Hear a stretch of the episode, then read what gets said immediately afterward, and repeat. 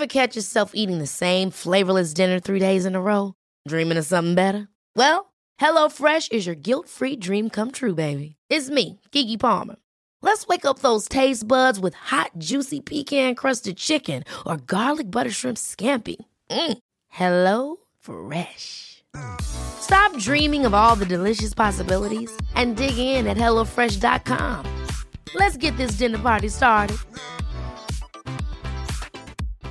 One size fits all seemed like a good idea for clothes Nice dress. Uh, it's a it's a t-shirt.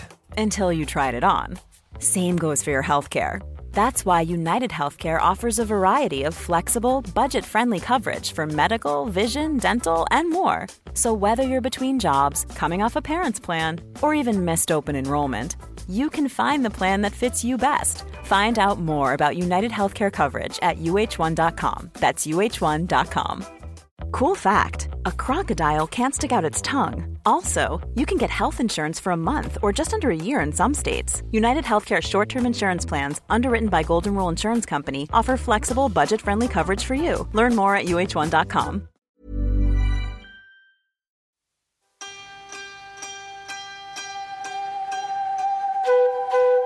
Välkommen till ett nytt avsnitt av Psykologsnack.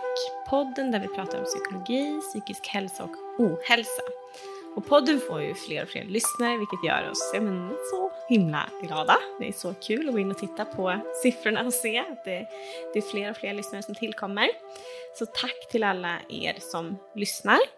Och eh, för er nytillkomna lyssnare så kan vi också kort bara presentera oss. Att vi som har podden heter Sandra och Åsa. och vi är båda legitimerade psykologer.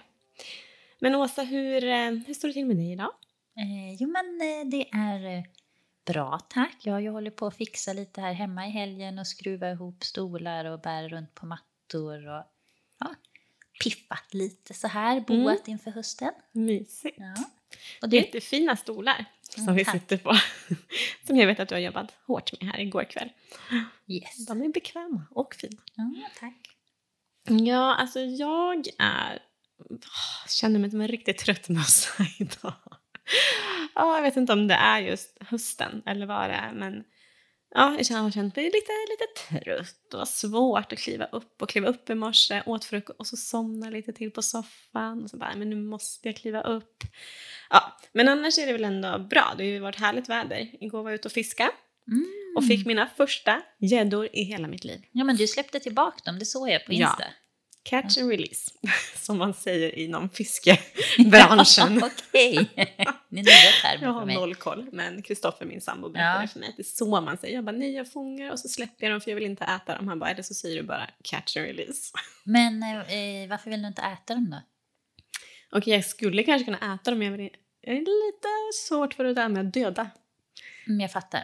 Alltså det är...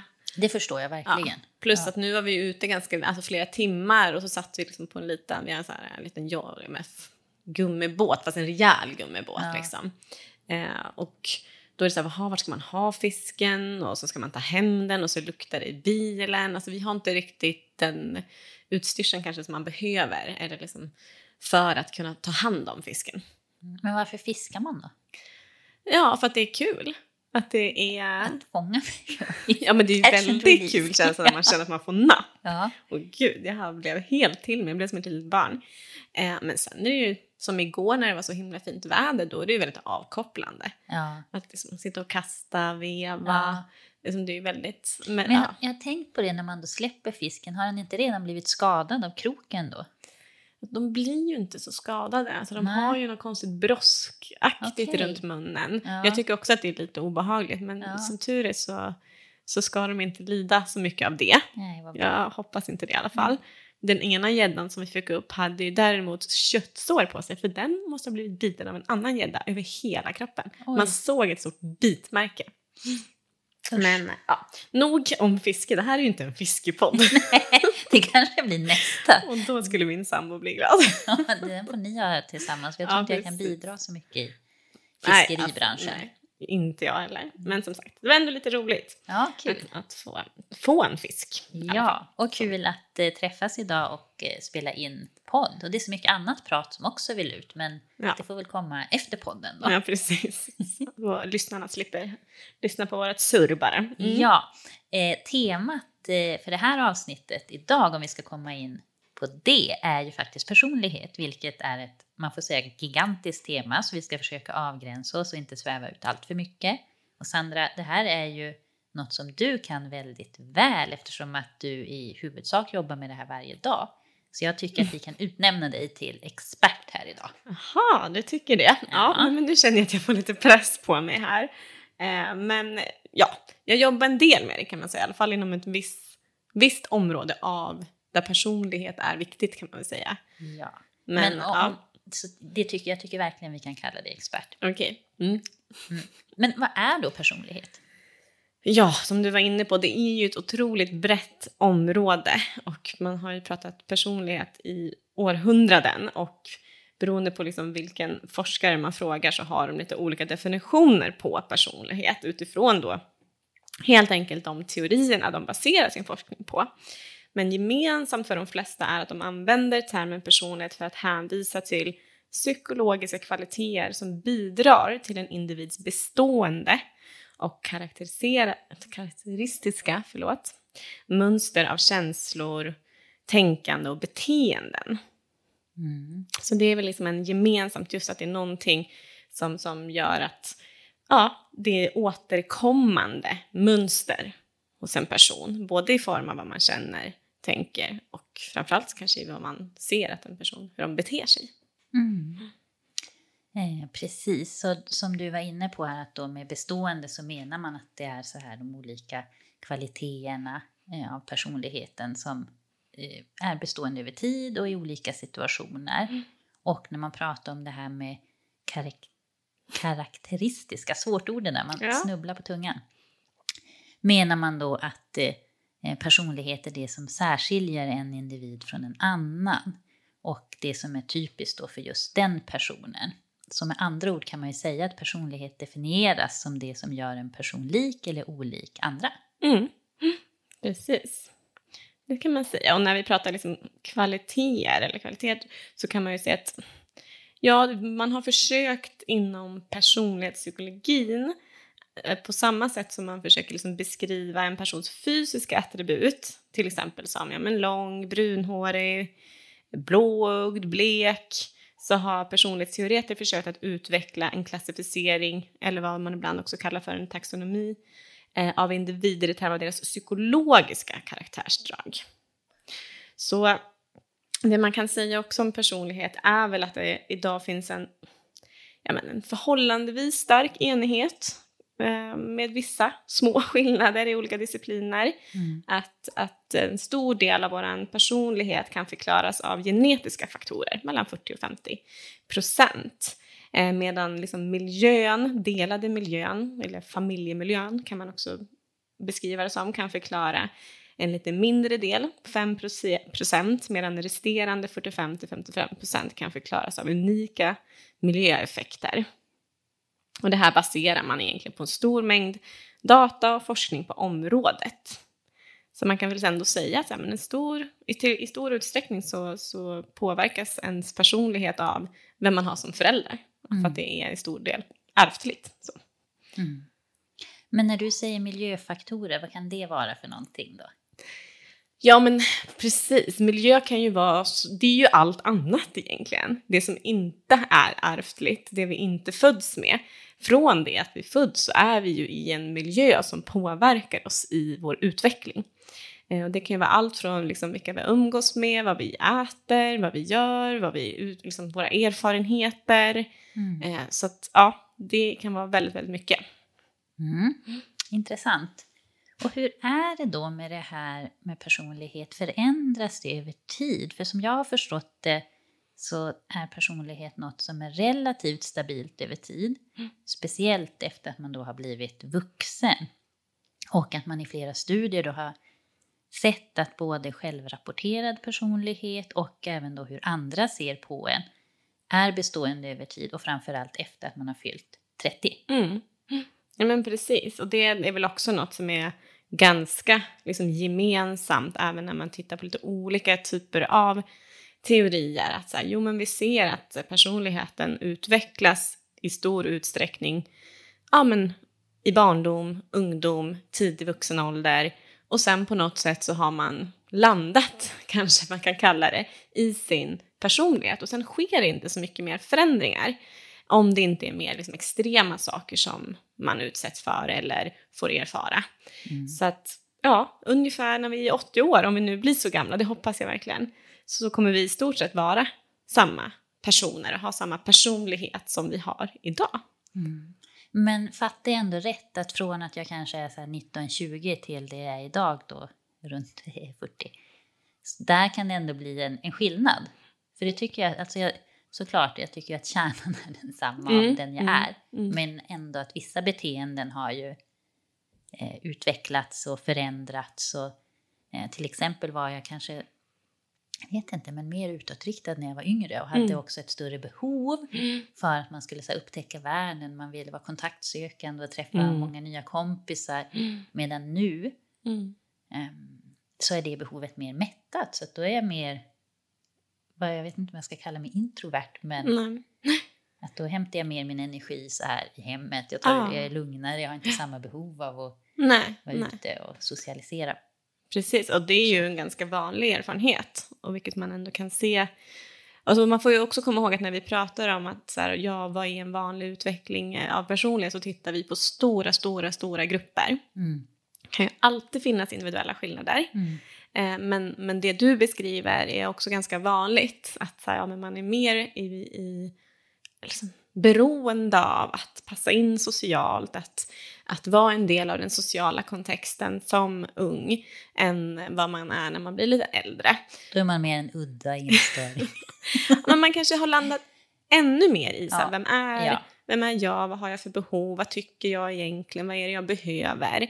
Medan man kanske är lite mer påverkad av miljön och kontext när man är lite yngre. Det är inte så konstigt, man är, då är man ju sin identitetssökande ja. ålder på ett helt annat sätt. Ja. Där kan man ju faktiskt se en del skillnad även på gruppnivå. Att så, jo, men det finns kanske en liten tendens att, att just det, det här att behöva liksom, tanka på energi genom att omges med andra, det behovet kanske minskar lite. Mm. Sen är det ju inte bara personligheten som påverkar vad vi gör, utan det är också erfarenhet och, mm. och liksom också situationsbaserat till viss del såklart. Mm. Så. Mm. Så att erfarenhet påverkar ju också. Mm. Så, men nu har jag testat det där med att gå ut och försöka få nya vänner och testa nya typer av aktiviteter och vara igång och så här. Ah, men nu vet jag vad jag gillar, nu behöver jag inte testa det lika ja. mycket längre kanske. Ja, ja men det så. känns ju precis som du säger, att, att man blir tryggare och landar in i sig själv och vet vad man vill på ett annat sätt. Absolut, precis. Mm. Så är det. Så att, ja, och det där tycker jag också är intressant. att Jag tyckte ju själv att det var så konstigt när, när jag, vet när jag var liten och mamma och mormor bara, nej men, så här, ja, men det här, så här har jag alltid varit. Eller så här var jag när jag var 20. Man bara, va? Du kan inte vara som du är nu, när de var typ 60 kanske, mormor 70. Ja. När du också var typ 25. Det går väl inte? Men nu kan man ju förstå det själv. Att ja. så nej, men det har faktiskt inte hänt så mycket. Mm. Även om man har nya erfarenheter och sådär så känner jag mig ganska, ja, i alla fall senaste fem åren kan mm. jag tycka att så nej, men nu, nu är, händer inte så mycket mer med min personlighet. Så. så får vi se vad som händer kommande 50 åren. ja. det är intressant. ja. Får göra en liten studie på sig själv. Ja, men jag var ju inne lite på att det finns liksom olika avknoppningar inom personlighetspsykologin. Det finns ju allt, liksom, allt från att man tittar på i relationer, så här, åh, vilka typer av personligheter har ett lyckligare eh, äktenskap eller sådär. Sen har man tittat mycket inom skolans värld, vad är det som gör, vilken typ av personlighet kanske eh, presterar bättre eh, inom skola och det gör man ju också inom arbetslivets värld. Vilka typer av personligheter har en större, eller bättre förutsättning att bli framgångsrika och prestera. Och sen mm. finns det ju såklart inom det vi kallar för abnormal psychology. Hur säger ja, man det? Vad är det liksom? för någonting då? Ja, men hur ska man översätta det? Är det liksom kliniskt? Kliniskt, ja. Kanske. Alltså Ja. när det blir, När när det det, går skapar utan- problem, Mm. går utanför, att det leder till att man kanske inte mår bra eller att, att det blir någon form av lidande för en själv i Mm, vardagen. mm. Eller att det blir funktionsnedsättande, kan man tänka lite så? Precis. Det är ju när det börjar ställa till med problem och där den kliniska vetenskapen tar vid kan man väl säga. Mm. Mer sjukvård, diagnosering av olika typer av psy- psykiska problem, Mm. personlighetsstörningar Mm. eller syndrom som det heter nu för tiden. Finns det. Men, men alla grundar sig ju i någonting, en typ av tanke att försöka förutspå, förstå och liksom titta på skillnader mellan individer. Så. Mm. Så oavsett område och teoretisk utgångspunkt så kan man säga att målet Eh, är att förutspå skillnader i olika typer av resultat. Allt ifrån liksom, prestationer i studier som jag var inne på, eh, liksom hur man eh, hanterar stress, hälsa, lycka. Så det som de alla försöker göra, alla personlighetsteoretiker försöker göra samma sak, alltså att identifiera, bedöma, förklara och förutspå systematiska skillnader och likheter mellan individer i letandet efter att liksom hitta fundamentala och generella orsaker till mänskligt beteende. Mm. En sån här liten teoretisk sammanfattning av det egentligen. Men ja, men, ja det, det är det som ligger till grund kan man säga. Mm. Om vi då ska titta lite innan vi ska kasta oss in på att eh, prata mer om personlighet och olika dimensioner av personlighet så ska vi kika på den historiska utvecklingen och de första försöken i modern tid att undersöka personligheten de härstammar ju faktiskt från psykoanalysen som för drygt hundra år sedan utvecklades då framförallt av Sigmund Freud som jag tror att många har talas om. Eh, och det var som ett led i behandlingen av människor som då led av olika typer av problem och svårigheter och utmaningar. Ja, men precis. Han hade ju en ganska gedigen teori om personlighetsutvecklingens, eh, ja, men, vilka stadier man gick igenom och så vidare. Väldigt intressant och som kanske inte används så mycket idag. Nej, så, Så. den kommer vi inte... Kommer inte gå in så mycket på Nej. de här psykoses- psykosexuella stadierna som han Nej. pratar om. Nej, utan det man kan säga hände sen är att eh, som, som mycket annat inom psykologin så pådrevs det av krig. Eller liksom att då var det här mer och mer intressant. Eh, att försöka börja mäta personlighet. Eh, och det gjordes för att kunna försöka identifiera vilka som var stridsdugliga. Och den som fick i uppdrag att utveckla ett sådant test var amerikanen Woodworth. Mm. Och sen kom ju då nästa stora steg i den här utvecklingen och det var i slutet av 30-talet när Allport och Oddbert, Älskar namnen. ja, Albert. Oddbert. Mm. eh, de försökte i alla fall på ett eh, vetenskapligt sätt eh, besvara frågan hur många dimensioner som behövs för att man ska få en så allsidig beskrivning som möjligt av den mänskliga personligheten då. Och det de gjorde var att de gick igenom ett engelskt lexikon och plockade ur alla adjektiv som de överhuvudtaget kunde använda för att beskriva människor. Mm. Eh, så ja, så de började med det och efter diverse grupperingar så kunde antalet egenskaper fastställas till ungefär 30. Eh, och det kallas för trait-ansatsen och utgör exempel på att man helt enkelt sätter etiketter på egenskaper utan att ha egentligen någon underliggande teori om hur personligheten är uppbyggd. Och i slutet av 40-talet så tog eh, Raymond Cattell upp arbetet med trait-ansatsen och kom efter många turer fram till att det finns 16 grundläggande egenskaper som kan användas för att beskriva den normala personligheten. Och hans test 16PF användes under väldigt lång tid. Mm. Används det fortfarande eller? Alltså jag tror att nu har man väl lämnat det, de flesta har lämnat det, men jag tror det går fortfarande att hitta 16PF. Så, Om man skulle vilja använda det, men som sagt det finns bättre nu. Ja. Eh, och eh, som lite avslut på den här historiska genomgången så kan man ju säga att under 60-talet så var det mycket debatt och motstånd kring det här med personlighetsmätning och framförallt i arbetslivet. Men sen under 70-talet så väcktes intresset igen och eh, forskarvärlden hävdade att man kunde ha nytta av personlighetstestning. Precis. Och eh, jag vet inte hur det ser ut idag. Eh, nej, men nu är det ju, alltså nu har man ju, efter då att intresset ökade igen där på 70-talet så, så kom man ju slutligen fram då mer till vad vi kallar för femfaktormodellen. Och det är ju den som har varit rådande och den mest liksom vedertagna eh, modellen. Och nu är det ju, ja, jag skulle säga att det är ganska allmän, vad ska man säga, allmänt att det är ett bra sätt att mäta personlighet på och att det också är ett sätt att kunna uttala sig om sannolika beteenden så att säga. Och, och jag tror inte att det är så många andra nya liksom, sätt som är på väg, utan det här är det som, som man använder sig av just nu i alla fall. Mm. Det bästa sättet. så.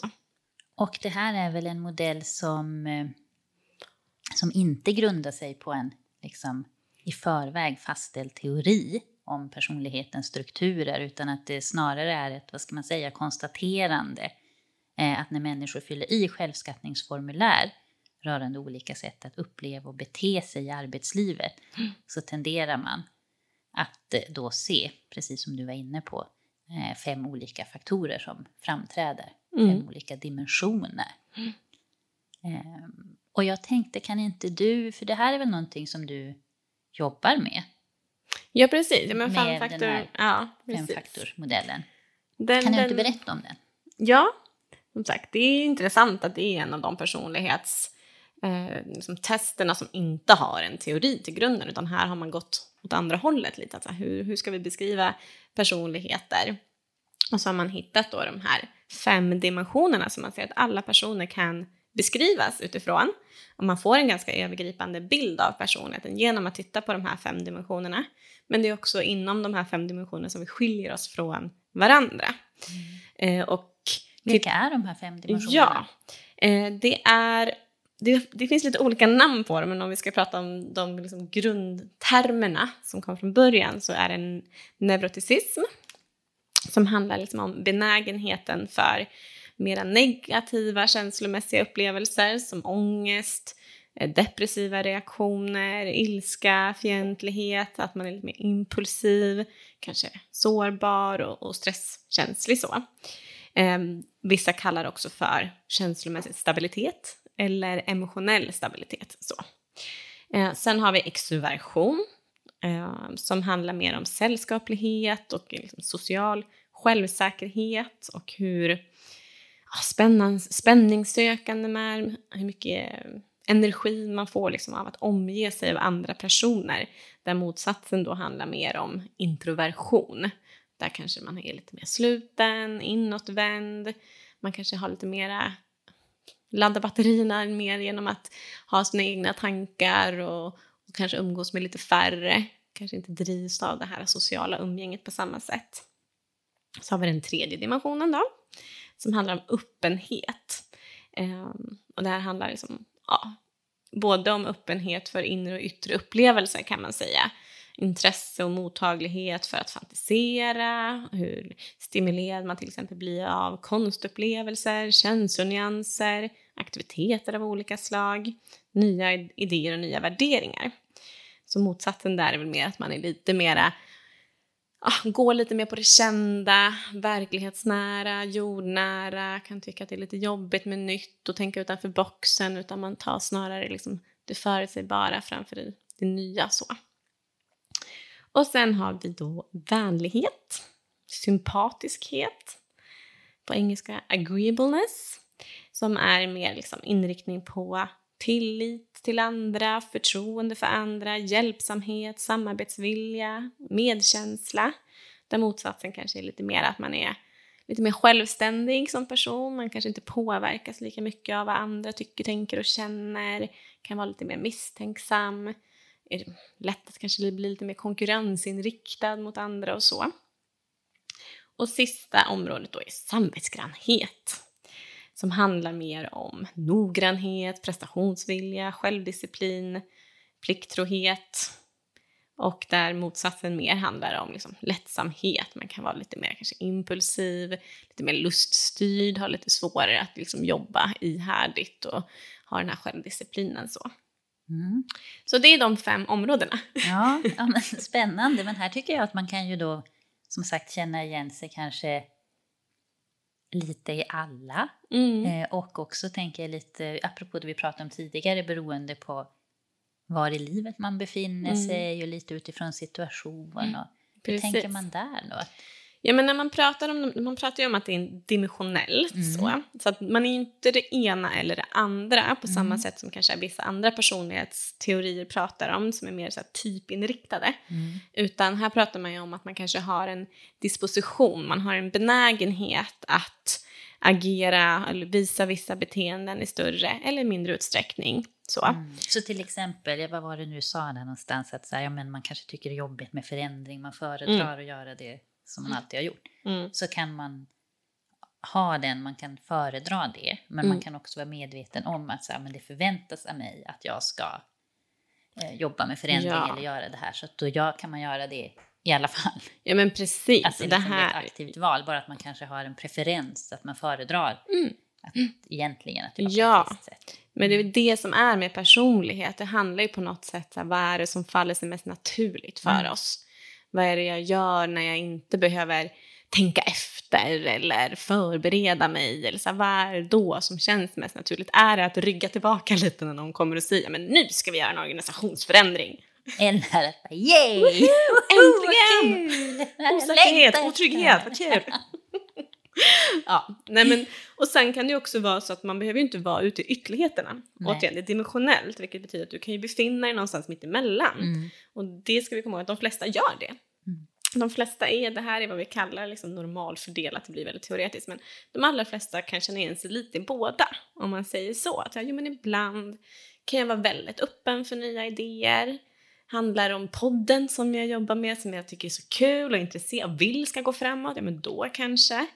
Handlar om någonting som är ja, på jobbet där jag har varit med om massa organisationsförändringar och det, jag har kanske erfarenhet av att det inte går så bra, ja men där kanske jag kan vara lite mera, uh, miss, Mm. alltså, mm, känna att det kan vara lite skönt med rutiner och förutsägbarhet. Ja men då kanske det är så att man befinner sig lite i mitten av den dimensionen. Mm.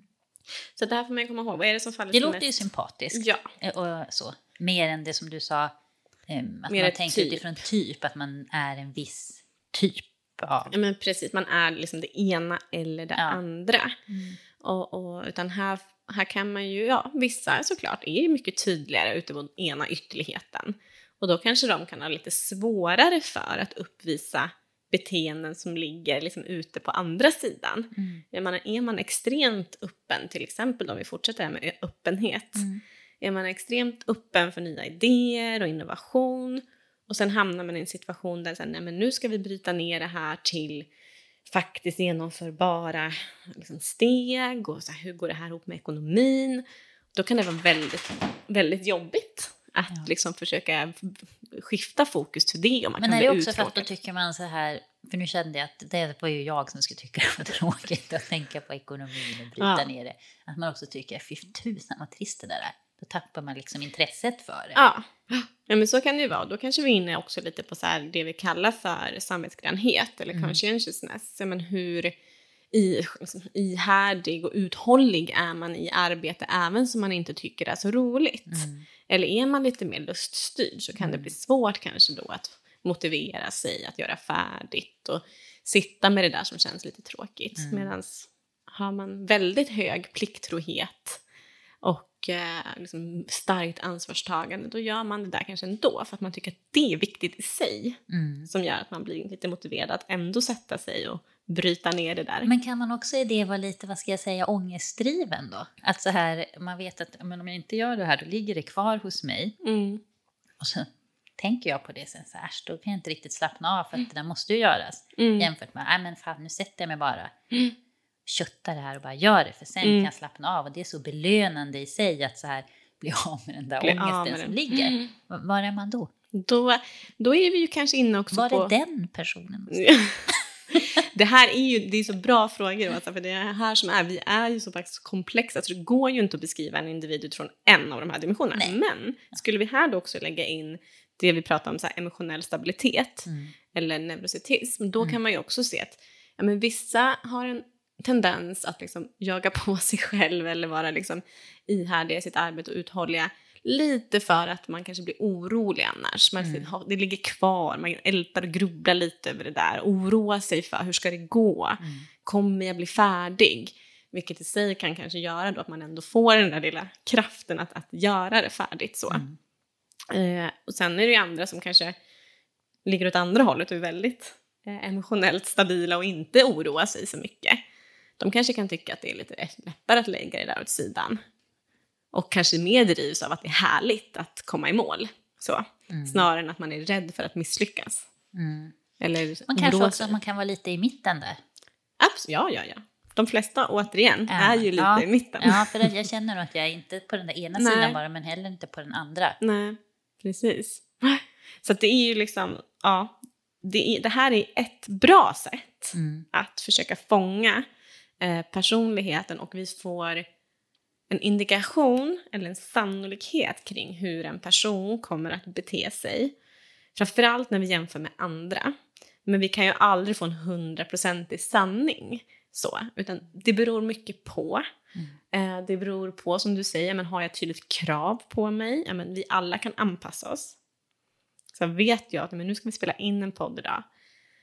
Oh, fast jag tycker det är lite jobbigt att vara noggrann och, och förbereda och sådär. Så vet jag, nej men nu gör jag det. Men då tar det kanske lite mer energi från, Mm. från mig. så. Men vi kan anpassa oss och vi kan påverka våra beteenden. Och tråkigt hade det ju varit Ja, annars. herregud, och vad, vad deppigt det hade känts om vi Ja. inte kunde påverka våra beteenden och om vi inte kunde förändra oss. Men då hade ju inte vi haft något jobb, Åsa. det är ju det vi jobbar med, psykologer. Liksom, vi jobbar ju mycket med beteendeförändring. Ja, det är Så- grunden i det vi gör tycker Ja, precis. Så att återigen, där får man ju tänka så här, men personlighet handlar om vad som faller sig mest naturligt. jag. Mm. Det känns som ett bra sätt att tänka Mm. på det tycker jag. Mm. Men jag tänker det här är ju någonting, personlighet, som kan vara ett ämne som ofta leder till eh, debatt och mycket som också diskuteras är det här, men hur ska man då mäta personlighet? Mm. Alltså, man fyller i ett formulär och tänker man så här, "Ha, men går det att fuska i det här? Eller ja, men man har kanske inte så bra eh, insikt om sig själv när man besvarar de här frågorna och då blir det också så här, men är personlighet, är det medvetet eller är det någonting omedvetet eller ja, är det lite mittemellan Ja, precis. Ja, det var många svåra frågor i en? i en. Ja. Men om alltså- vi börjar med det här med att mäta. Mm, mäta, precis. Och där, där är ju, det är, liksom som sagt, det är faktiskt en fråga som fortfarande debatteras och, och det görs lite på olika sätt. Vissa menar att det är bättre till exempel att fråga andra. Att så här, hur uppfattar ni Åsa? Att det blir typ en, en mer sannis, sanningsenlig bild eh, och ger en bättre förutspåelse om hur du kommer bete dig framåt också än om jag frågar dig. Ehm, andra tycker att ändå att det är, funkar bättre, eller lika bra i alla fall, att även fråga, eller att bara fråga personen i sig, alltså självskattning. Så. Mm. Vad tycker du? Ja, det tycker jag är svårt. Jag tycker det det är en återkommande fråga. Så här, kan man manipulera ett personlighetstest? Om jag vet till exempel vad du, vad du behöver i, din, i ditt företag, då kanske jag besvarar frågorna utefter det. Ehm, lite mer. Och det är så här, ja... Man kan, det, man kan ju gå in och faktiskt vara lite oärlig i ett personlighetstest och då kommer inte resultatet avspegla. Det kommer ju avspegla sämre då än vad det hade kunnat göra. Men jag brukar tänka att det, det är ju ingen som vinner på det.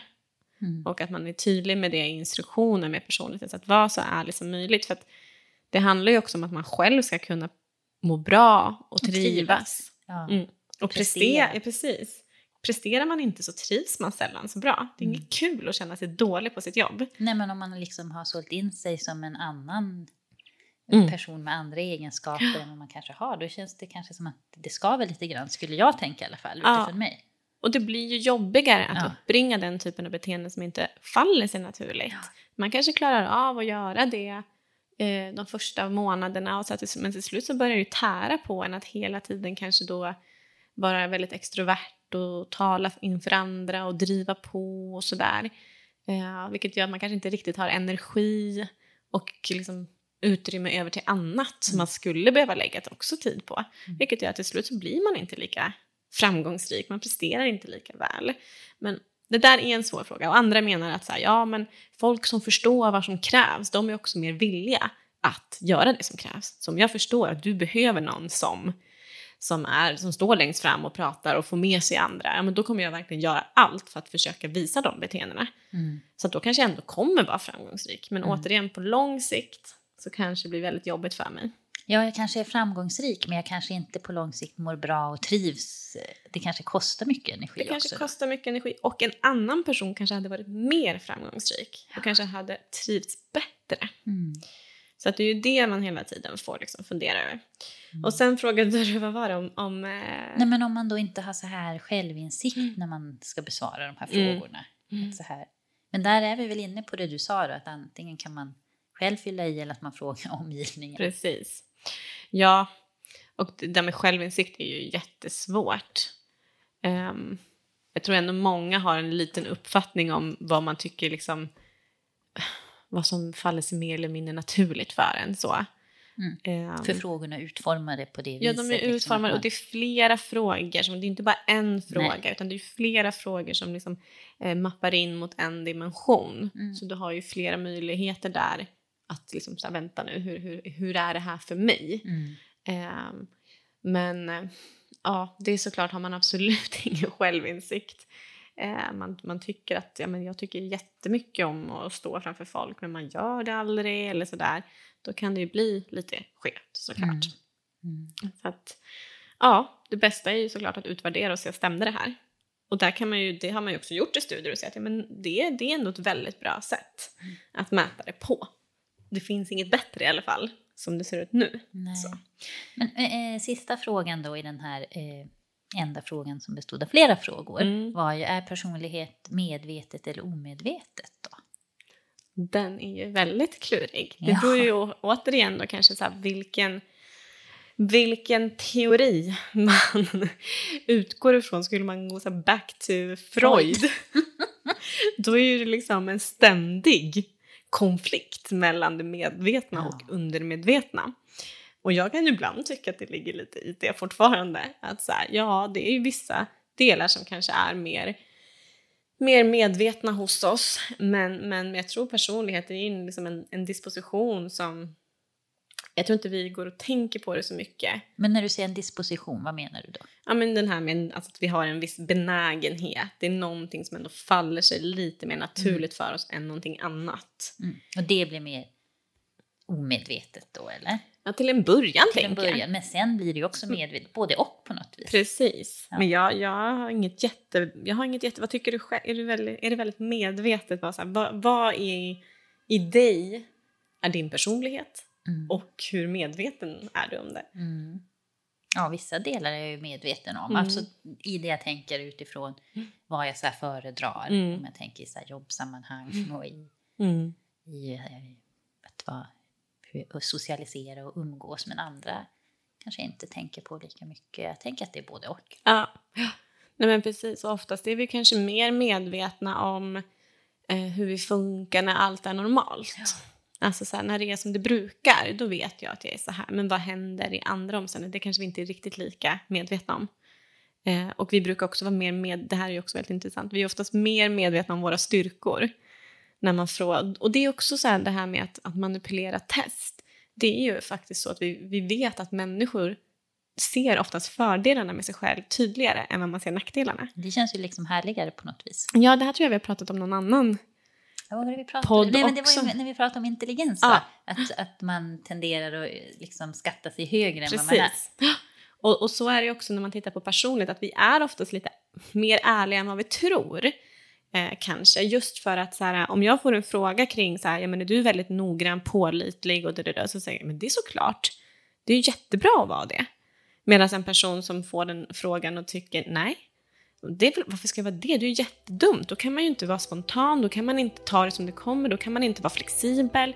Nej, det är jag inte. Det är ju jättedumt. Alltså, man ser fördelarna med sin egen person tydligare än vad man ser nackdelarna. Mm. Så på det sättet så tycker man att det är bra, så man, man, man, liksom, man skattar sig som man är i större utsträckning än vad man kanske kan tro. Mm. Så det är intressant.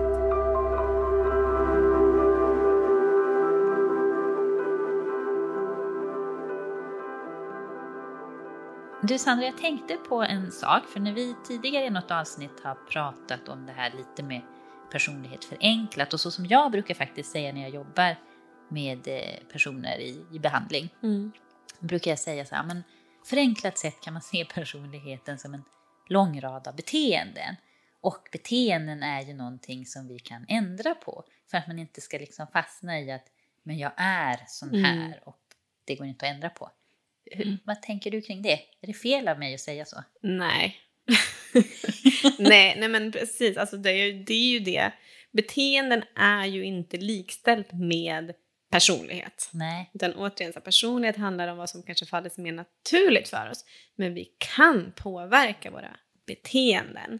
Så att absolut, och liksom har, vi, har vi vissa saker som förväntas av oss så kan vi ju minska liksom eh, hur mycket vi behöver anstränga oss ener- eller energi vi behöver lägga på ett visst beteende genom att öva oss. Vi tränar. Okej, det faller sig inte naturligt för mig att hålla tal på bröllop. Jag blir nervös, jag tycker det är jobbigt när folk tittar på mig och jag ska försöka vara rolig eller vad det nu kan vara. Men gör jag det många gånger, även fast det i, i min personlighet kanske inte faller sig naturligt, så kommer ändå erfarenheten och kunskapen kring kanske att hålla tal eller vad det nu är, kommer ändå påverka och göra att det blir mindre motstånd. Mm. Det blir lättare då. Ja, men det blir lättare. Och det, Och det blir ett beteende att lägga till till min beteenderepertoar Ja. så att säga. Precis. Ja. Grundpersonligheten kanske inte förändras. Där känner man, nej gud jag stänger in mig på toaletten här. Ja, precis. Jag överdriver lite men. Men, men absolut, det kan ju vara så att du har övat på ett visst beteende väldigt mycket. Om vi nu tar det här med bröllop Mm. och hålla tal. Så det kanske du kommer bli bekväm i. Men sen när det blir något som är liknande, då kanske det igen blir lite mer motigt. För i, i din person, ja men nu ska du hålla en presentation för hela företaget. Okej, du har vissa kanske strategier och kunskaper mer ifrån det som är liksom utifrån Mm. ett bröllop som gör att det blir lite lättare. Men det kanske återigen känns lite obehagligt. Men den första liksom impulsen att man nej, Ja. nej, nej. Precis. Och sen okej, Okej. ja, då får jag väl, Mm. hur gör jag det här då? Vad kan jag ta med mig från när jag höll tal på bröllop? Ja, och så här? för, för det är ju inte bara personligheten som påverkar vilka beteenden vi uppvisar, utan det är ju liksom situationen, det är vad vi har för erfarenheter med oss, det är vad vi har för kunskap och också mm, motivation och drivkrafter. Så vill jag verkligen det här? Är det viktigt för mig? Ja, men då kommer jag kanske ändå uppvisa den typen av beteenden. Mm. Så. Då tänker jag att jag kan fortsättningsvis fort säga på det här sättet, även fast det inte är riktigt då rätt. Men Ja, Nej, men absolut, beteende kan vi alltid påverka. Ja. Och hemskt hade det varit annars. Ja. Det är ju bevisat. Och Det det, tänk, det tänker jag, men jag tänker jag, jag kommer nog kanske fortsätta använda formuleringen Ja, att förenkla det på det viset, för jag tycker att det blir så hoppfullt att Mm. tänka på det sättet. ja. ja. Det tycker jag absolut att man kan göra. Och det är ju det, alltså kognitiv beteendeterapi utgår ju mycket mer från beteenden. Mm. Vi pratar ju inte så mycket om personlighet, liksom, vad vi har för disposition och benägenhet. Men vi pratar ju faktiskt om så här, ja, men förstärkning och bestraffning. Mm. Och det kan man också kolla, alltså koppla lite till personlighet. Vad är det som blir, det som blir liksom belönande för dig kanske inte belönande för mig. Mm. Och det kan ibland ha lite att göra med såklart vår personlighet. Mm. Så. Ja, spännande. Så att, men man behöver ju inte prata om personlighet egentligen när vi pratar om beteendeförändring. Det kan ge en förståelse. Mm. Och det kan ibland vara väldigt viktigt för att kunna jobba med förändring. Ja. Så. ja. Men du, jag tänker när du jobbar eh, med personlighetstestning i, i arbetslivet, vad handlar det om då? Ja, men det handlar ju framförallt om att försöka kartlägga liksom, personlighetens positiva sidor. Vad har man för typer av liksom, egenskaper som talar för att en viss person kommer att lyckas i en befattning? Där man då kanske har liksom, identifierat vissa viktiga personlighetsegenskaper. Så det här är det som är viktigt för att man ska kunna liksom, prestera väl i den här rollen. Så det är oftast det man har gjort. Man har helt enkelt tittat på vem har bäst förutsättningar att Mm. bara liksom, eh, prestera väl i den här. Och då får man ju göra ett sånt här test helt enkelt. Och så försöker man ju matcha det mot den rollbeskrivningen eller kravprofilen som man har satt. Mm. Men här kan man ju tänka att när man då är på en så här anställningsintervju eller en rekryteringsprocess att ja, men då eh, vill man ju visa upp liksom sin bästa sida. Och det kanske är ganska lätt om det går bra för en själv eller om man väl är anställd när man jobbar i ett företag och det går bra för företaget. Mm. Men vad händer om man ställs eh, inför mer så pressade situationer då? Kan, hur påverkas Mm. det av personlighet? Ja men precis, och det, är det, det har ju fler och fler intresserat sig för. Förut tittar man just på så här, men vad är de styrkorna hos en person. Men sen har man ju sett att så här, ja okej, den här ledaren, framförallt har man tittat mycket på chefskap och ledarskap, så har man ju sett att ja, men den presterar jätteväl i medvind, eller vad man ska säga, som du var inne på där.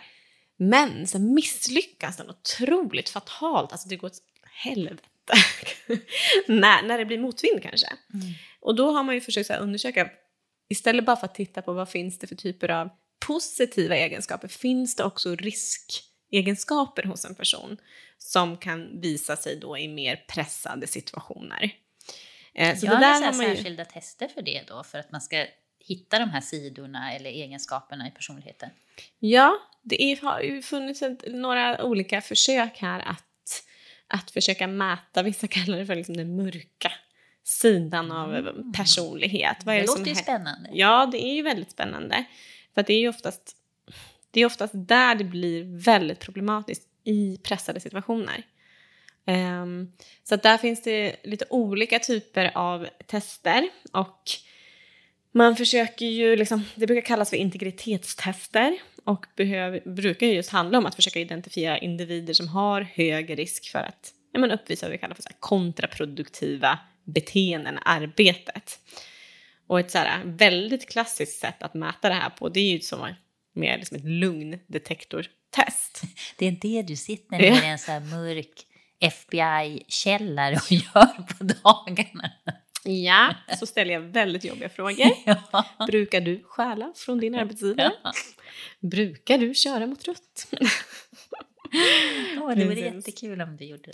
Ja, nej, men det är ju ett sätt som har visat sig inte fungera så bra. Men Nej. där, där kopplar man, kopplas man ju upp att mäta liksom autonoma kroppsförändringar Mm. när man då ställer de här frågorna för att försöka identifiera vem är ohederlig och vem är hederlig liksom, person. Men används det här idag?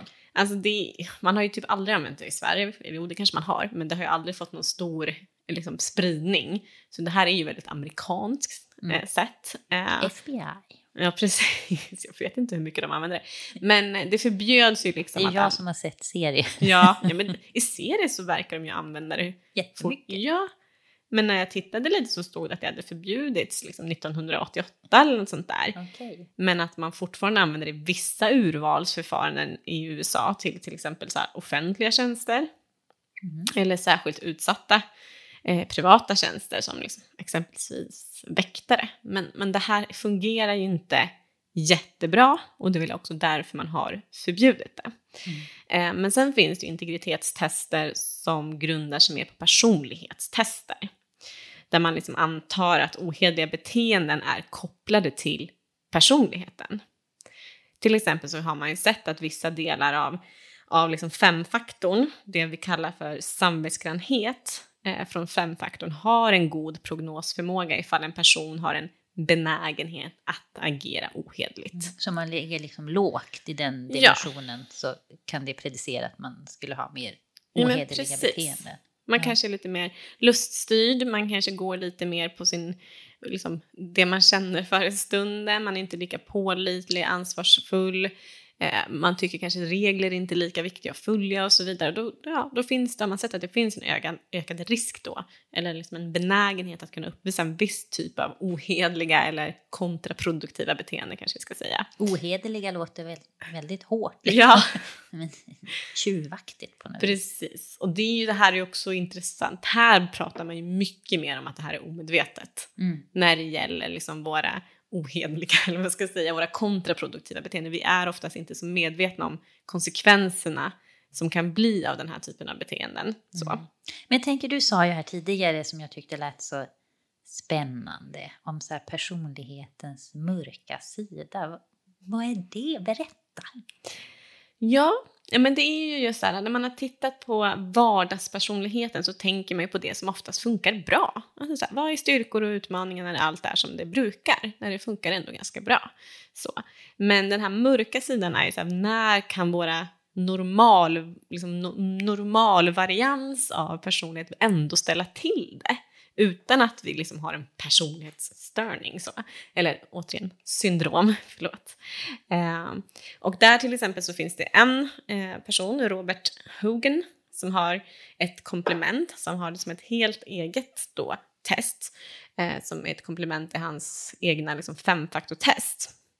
Där han, där han hävdar att det finns en rad egenskaper som kan vara positiva i vanliga fall, normala sammanhang, men som kan leda till vad han kallar då urspårningstendenser under mer påfrestande situationer.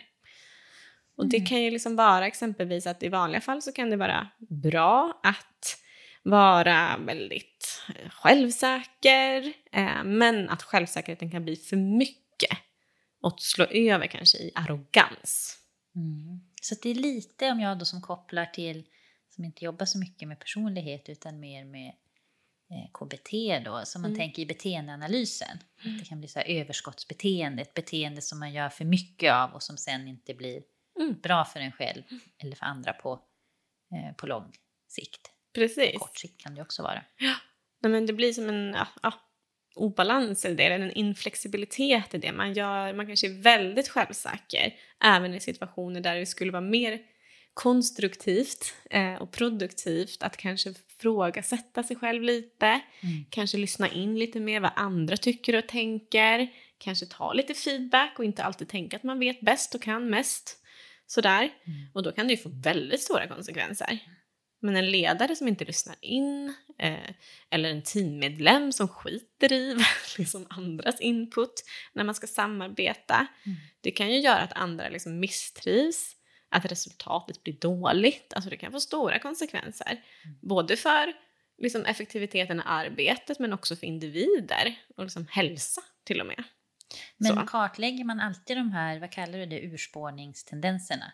När man, gör, när man tittar så här i en rekrytering till exempel? Det, nej, det där tror jag det är väldigt olika vad man har för överhuvudtaget när man rekryterar, vad man har för tillvägagångssätt. Mm. Så det är ju oftast i, i en diskussion med den som liksom arbetsgivaren, så här, vad tycker de är viktigt att titta på?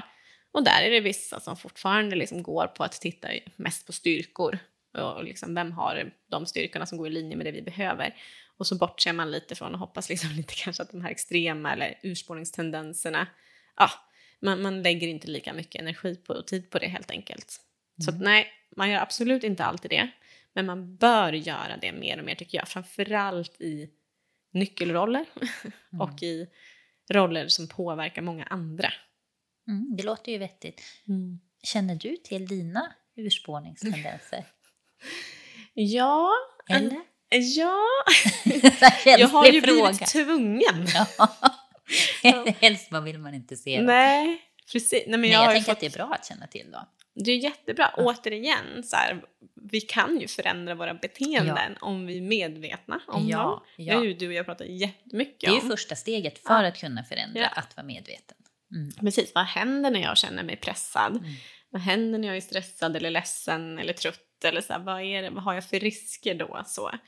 Eh, och ja, jag har väl i och med att jag har fått utsätta mig själv för en del tester liksom ändå fått en bild av det som jag tycker att rimmar väl ganska väl med när jag liksom rannsakar mig själv och även frågat lite så här, hur andra uppfattar mig. Och jag har ju en tendens exempelvis då att kanske bli ganska tillbakadragen. Mm. Eh, blir jag stressad då har jag en tendens att bli väldigt irriterad på andra. Vilket är ju sjukt ocharmigt att jag börjar liksom kanske skylla på att det är andras fel.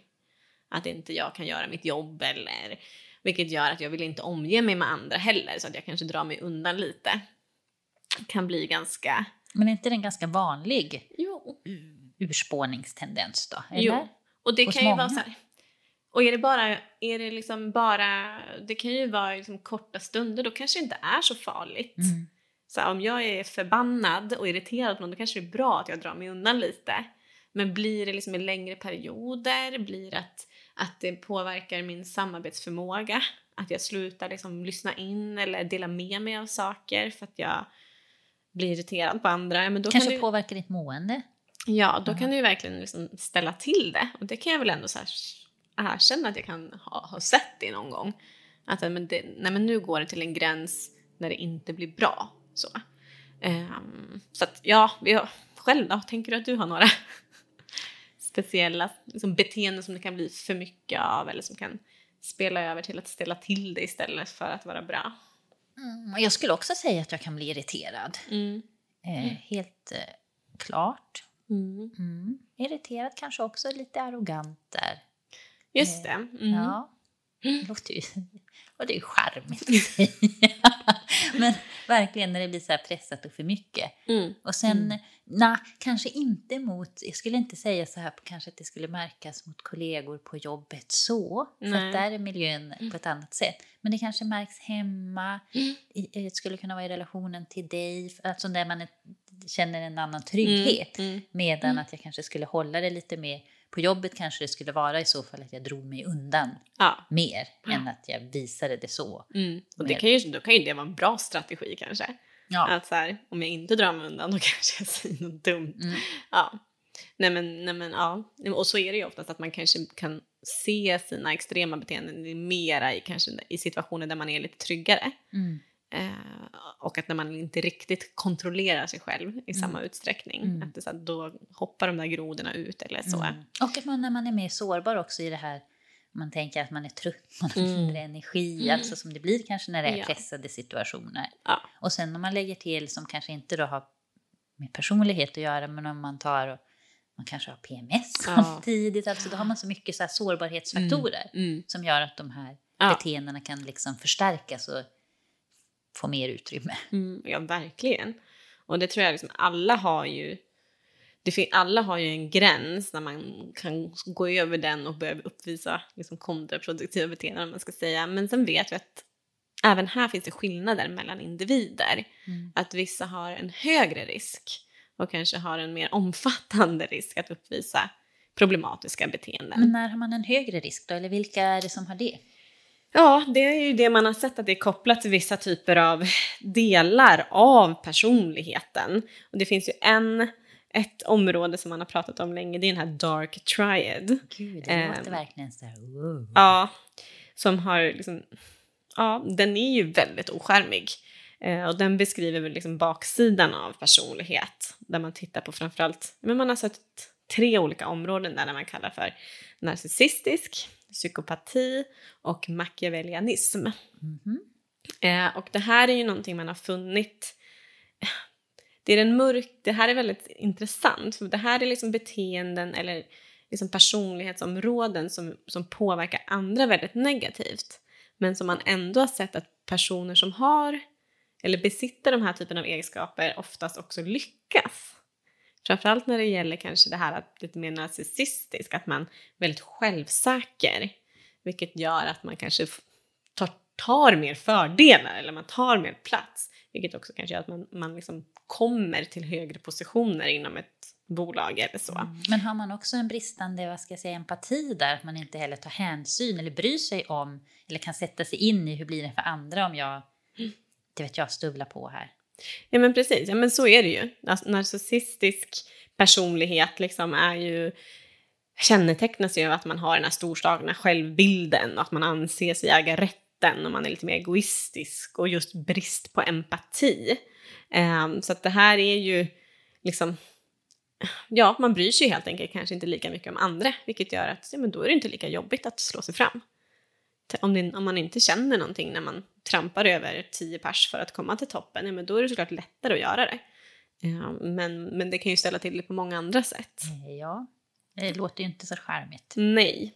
Och det här med machiavellistisk, eller machiavellism, jag kan, det är jättesvårt Svårt att säga. uttala, jag satt och tittade på ordet här. Precis, det handlar ju mer, det präglas mer av att man manipulerar eh, och exploatering av andra. Så där är man liksom mera, åh, lite mer egenintresse, bedrägeri, man gör det mer på ett sätt, det kan, man kan ju verka väldigt trevligt, det här manipulativa, man spelar på andras godhet kanske, eller man, man liksom är bra i sociala situationer men man gör det av egen vinningsintresse. Så. Det blir så här hänsynslöst och att man inte bryr sig om att man utnyttjar den andra. Nej men precis. Eh, men, men det brukar vara svårare, eller det här, de här kan bli mer manipulativa, så det kan vara svårt att märka av det. Narcissistiska kanske man ändå kan vara lite tydligare, så här, oj, den här, den här personen tycker, liksom, bryr sig inte. Men man kan tro att de bryr sig när man är mer manipulativ, vilket gör att de får sin vilja igenom. Så det är svårare för en att upptäcka? Ja. Mm. Medan den tredje där som vi pratade lite om, är psykopati, eh, kännetecknas mer av ett impulsivt spänningssökande. Där den liksom primära formen av självisk, själviskhet, sen känslokyla, brist på personlig affekt, ytlig skärm och oförmåga till ånger. Så det här verkar liksom... Ja, de här tre delarna är lite speciella. Man har länge använt sig av den här dark triad för att försöka identifiera, men man, det har inte gett så mycket. Och när man tittar på det här så ser man att alla tre områden också har en stark koppling till femfaktorn och framförallt så handlar det om det som vi kallar, om, kallar för vänlighet, eller agreeableness på engelska. Att ligga lågt på det verkar också ha en stark koppling till alla de här tre egentligen. Och det handlar mycket om att man inte riktigt kanske känner empati med andra om man sätter sitt eget framför andras oavsett vad det gäller. Liksom.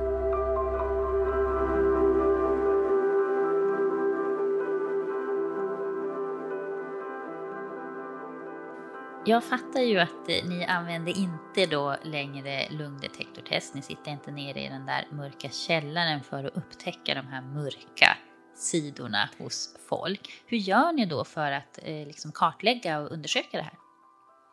Ja, nej, precis. Och vi använder inte heller, precis som du var inne på, Dark Triad, för den, den ger inte så bra information. De är väldigt överlappande, de här tre områdena och så. Utan det vi gör är ju att nu har, det finns lite olika typer av liksom, personlighetstest eller integritetstest för att försöka då identifiera individer som har en högre benägenhet eller högre risk. Så. Eh, och där använder vi framförallt nu för tiden, eller bara senaste året, så, så finns det tester som är tydligare kopplade till femfaktormodellen. Att även där ser vi att det finns ett starkt samband mellan femfaktorn, vissa delar av femfaktorn och då vem som har en förhöjd risk att uppvisa någon typ av kontraproduktiva beteenden. Eh, och det här är väldigt intressant, man har också sett att det finns ett samband faktiskt också lite med personlighets liksom, syndromsdiagnoserna och femfaktorn. Mm. Så det är på det sättet man har då utvecklat den här typen av tester kring extrembeteenden och vi använder det på Assessio. Mm. Som jag får göra lite smygreklam för. Det får du, mm. det här är ju vår podd. Ja, som heter just MapX. Eh, och det, är ett fem, det baseras på liksom, femfaktorn helt enkelt. Och då får man ut eh, ett resultat som, som pekar på om det finns en förhöjd risk och vilken typ av risk det i så fall är. Det är inte bara att man har en risk utan så, okay, vilka typer av riskbeteenden är möjliga.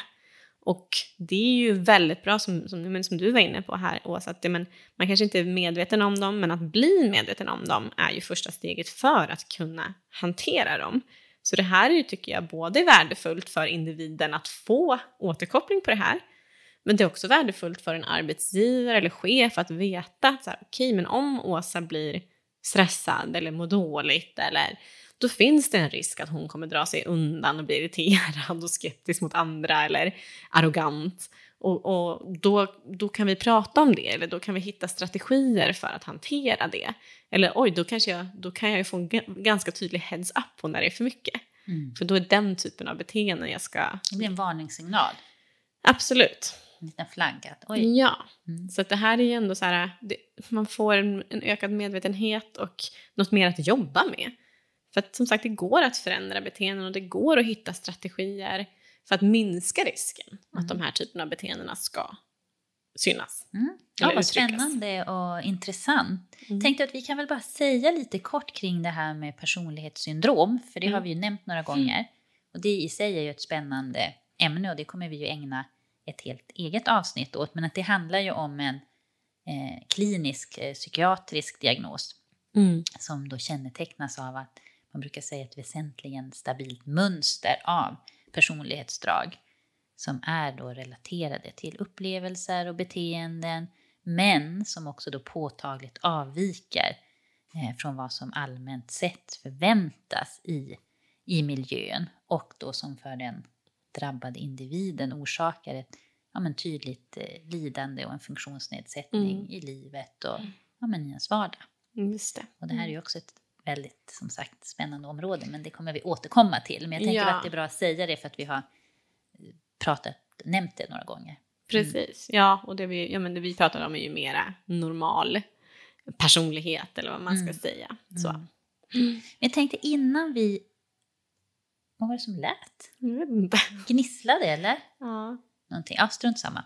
Jag tänkte att innan vi rundar av, så nu när vi pratar om då personlighet och personlighetstestning, så måste jag ju då fråga dig om den här DISA-teorin, eller DISK-teorin, som, som jag har förstått det går ut på att man kan sortera alla människor i olika färger. Jag tror att många känner till den här boken Omgiven av idioter.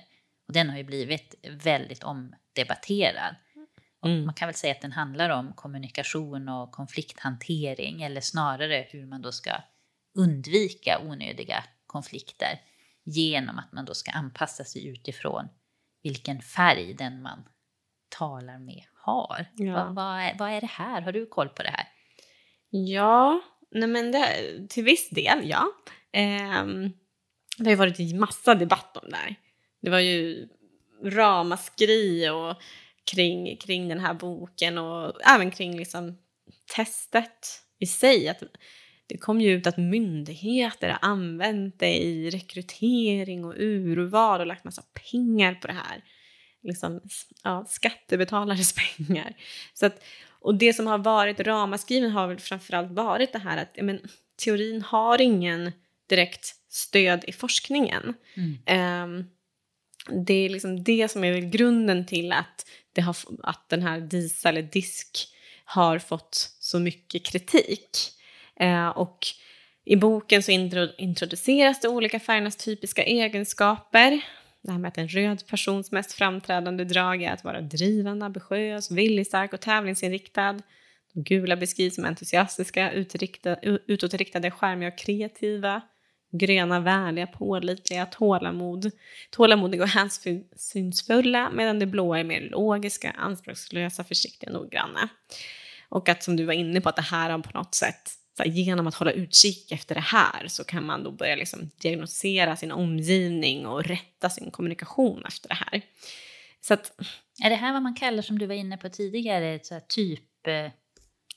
typ, ja, typtest eller typtest? ja. typteori eller Mm. precis. Man, man kategoriserar på ett helt annat sätt. När vi har pratat femfaktorn så har vi pratat om dimensioner. Att du kan liksom befinna dig lite var som helst på den här dimensionen. Det finns inte att antingen är du extrovert eller så är du introvert exempelvis. Utan att det beror lite, ja, du kan ju vara lite i mitten eller du kan vara lite i mitten fast lite mer åt ena hållet och sådär. Men här blir man liksom det ena eller andra. Um, och det som också är problemet med DISA och DISK är att de har inte låtit sig granskas. De har liksom inte låtit, för det gör ju, alltså det är jättehård granskning av, av den här typen av tester för att man ska kunna basera liksom ett urval på det. Att det ska vara rättvist, det ska vara liksom baserat på vetenskap, det ska finnas jättemycket liksom psykometri bakom eh, med liksom validitet och rehabilitet. Ja, massa saker som, som ska finnas på plats för att det ska anses som ett bra test för att kunna förutspå eh, sannolika beteenden och skillnader mellan personer. Och det finns det inte när det gäller det här. Nej, och det är det man både så här, i boken så, så pratar han eh, om, ja, i den här omgiven av idioter så tar han liksom upp exempel på att i vetenskapen har man sett och refererar inte till någonting. Utan liksom drar de här slutsatserna utifrån ingenting egentligen. Och när man då inte heller får granska och låta liksom en extern professionell instans titta på det här och se, nej men då kan vi inte heller, då finns det liksom ingen vetenskap. Och det går inte att dra några slutsatser ifrån det. Så att hade man granskat, ja, Nej, förlåt, säg nu klart. nej men det, avbryta. ja, nej jag hade, Jag tänkte bara att jag då som gillar här nu eh, i min personlighet, att Mm. förenkla då, eh, kan man då säga att de här DISK eller DISA-testen, de är helt enkelt inget att ha. Det, ja, det skulle jag säga. Skulle man ställa samma krav på de testerna som man gör på alla andra tester som man använder så nej, de når inte upp till kraven helt enkelt. De fyller inte det som behöver fyllas för att, för att det ska vara ett, ett bra test. Mm. Eh, så att de, de, har, de, DISA disk har många problem skulle jag säga. Eh, och det största problemet skulle jag säga är när man börjar använda det i urval. När man börjar liksom grunda ett jätteviktigt beslut på resultaten på någonting som inte har någon vetenskaplig förankring egentligen alls. Mm. Eh, alltså det är ju viktiga beslut som på, påverkar en människas liv och påverkar ett bolags liksom, effektivitet. Mm. Och så grundar man det på någonting som, som är liksom väldigt slumpmässigt. Så det kan man väl kort säga om det. Eh, och så kan man också säga det att det är ett typtest precis som du var inne på. Och sen det finns typtest som faktiskt är bättre. Jag ska inte säga att alla typtest är dåliga, men typtest och liksom kan ju vara intressanta just för att förstå skillnaden mellan individer och skapa ett samtalsramverk. Eh, att så här, fundera på varför, varför skiljer vi oss åt och vad har jag Uh, vad faller sig mer naturligt för mig och vad faller sig mindre naturligt och sådär. Att det kan vara ett sätt att samlas kring att fundera kring likheter och olikheter. Mm, men att det inte är något absolut. Och, och typtesta är bara för att repetera mm. eh, här, eh, att det handlar om att man då skulle vara en viss typ Ja, man kategoriseras ju helt ja. enkelt till det ena eller det mm. andra. Och då blir det väldigt svårt att jämföra personer. Mm. Frågar du till exempel mig, så här, är jag en tennistyp eller en fotbollstyp? Ja, nej men alltså jag skulle ju svara att jag är mer en fotbollstyp. För jag har ju spelat fotboll. Mer än jag spelat tennis, även om jag börjat spela lite tennis. Men jag skulle ändå säga mer fotboll. Och så ställer du samma fråga till Zlatan. Är han mer en fotbollstyp? Eller är han mer en tennistyp? Skulle han nog också säga att han är mer en fotbollstyp. Men ska vi jämföra mig och Zlatan? Ska vi säga att vi är lika mycket fotbollstyper? Mm. Bara för att vi kategoriseras inom samma typ? Mm. Nej, det kan vi inte göra. Det blir helt orimligt. Och framförallt om man då också drar slutsatser kring så här kanske färdigheter och prestation. Ja, men Sandra hon är nog lika bra på fotboll som Zlatan. Nej, det är där det stora problemet blir. Hade vi istället haft det på, på en dimension så hade det kanske varit fortfarande att jag är närmare fotboll än tennis. Men Zlatan hade legat långt ute i liksom extremen på, mm. på fotboll. Så. Mm. Um, mm, bra exempel. Mm. mm. Så där, det är verkligen så viktigt att, att, att ha med sig det när man, om man är inne kanske i en rekryteringsprocess eller själv jobbar med att ja, men nu vill vi ha någon grund eller ett ramverk här för, för utvecklingsinsatser. Det kan vara att veta att de här typerna skiljer sig åt. Mm. Eh, vilka, om man går mer på liksom egenskapstester eller typtester. Mm. Och det finns ändå typtester som kan, som har bättre vetenskaplig grund än DISK. Mm. Och jag tänker det finns ju också en eh, intressant artikel mm. i tidningen Filter. Jag kollade mm. upp till och med nummer 63 från eh, 2018.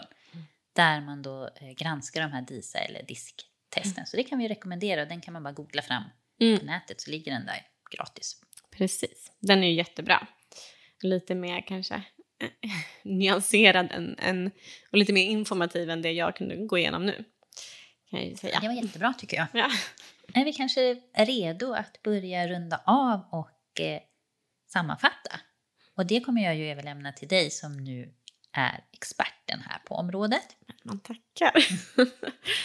ja, men det man kan säga är väl ändå att när vi pratar om personlighet så är det ju liksom gemensamt att man då hänvisar till psykologiska kvaliteter som bidrar till en individs bestående och karaktäristiska mönster av känslotänkande och beteende.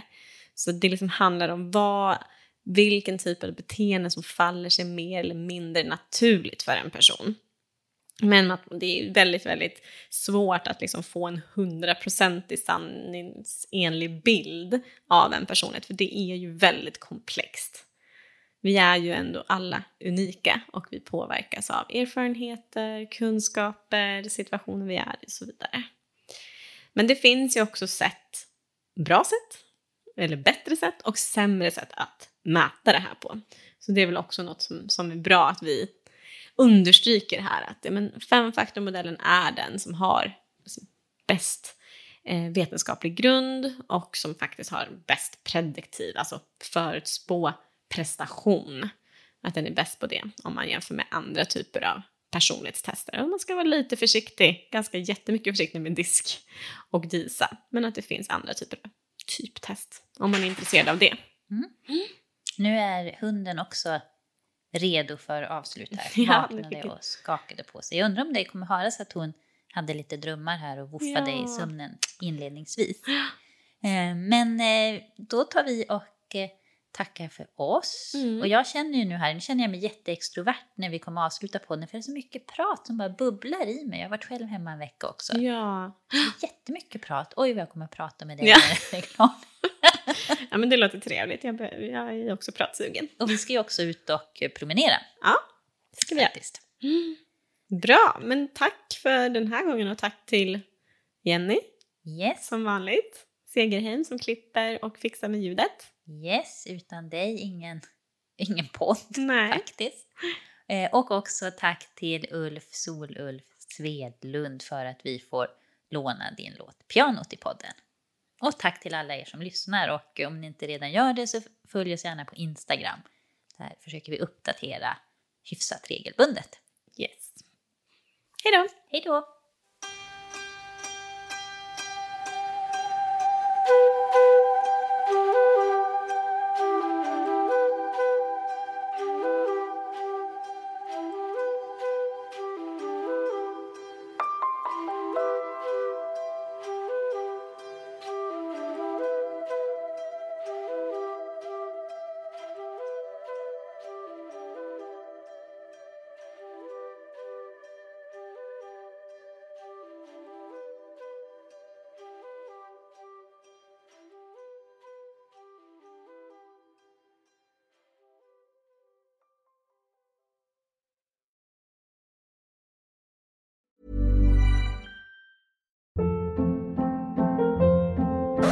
Hold up. What was that? Boring. No flavor. That was as bad as those leftovers you ate all week. Kiki Palmer here, and it's time to say hello to something fresh and guilt-free. Hello Fresh. Jazz up dinner with pecan-crusted chicken or garlic butter shrimp scampi. Now that's music to my mouth. Hello Fresh. Let's get this dinner party started. Discover all the delicious possibilities at hellofresh.com. Planning for your next trip? Elevate your travel style with Quince. Quince has all the jet setting essentials you'll want for your next getaway, like European linen, premium luggage options, buttery soft Italian leather bags, and so much more. And is all priced at 50 to 80% less than similar brands. Plus, Quince only works with factories that use safe and ethical manufacturing practices. Pack your bags with high-quality essentials you'll be wearing for vacations to come with Quince. Go to quince.com slash pack for free shipping and 365-day returns. Mom deserves the best, and there's no better place to shop for Mother's Day than Whole Foods Market. They're your destination for unbeatable savings, from premium gifts to show-stopping flowers and irresistible desserts. Start by saving 33% with Prime on all body care and candles. Then get a 15-stem bunch of tulips for just $9.99 each with Prime. Round out Mom's menu with festive rosé, irresistible berry chantilly cake, and more special treats. Come celebrate Mother's Day at Whole Foods Market.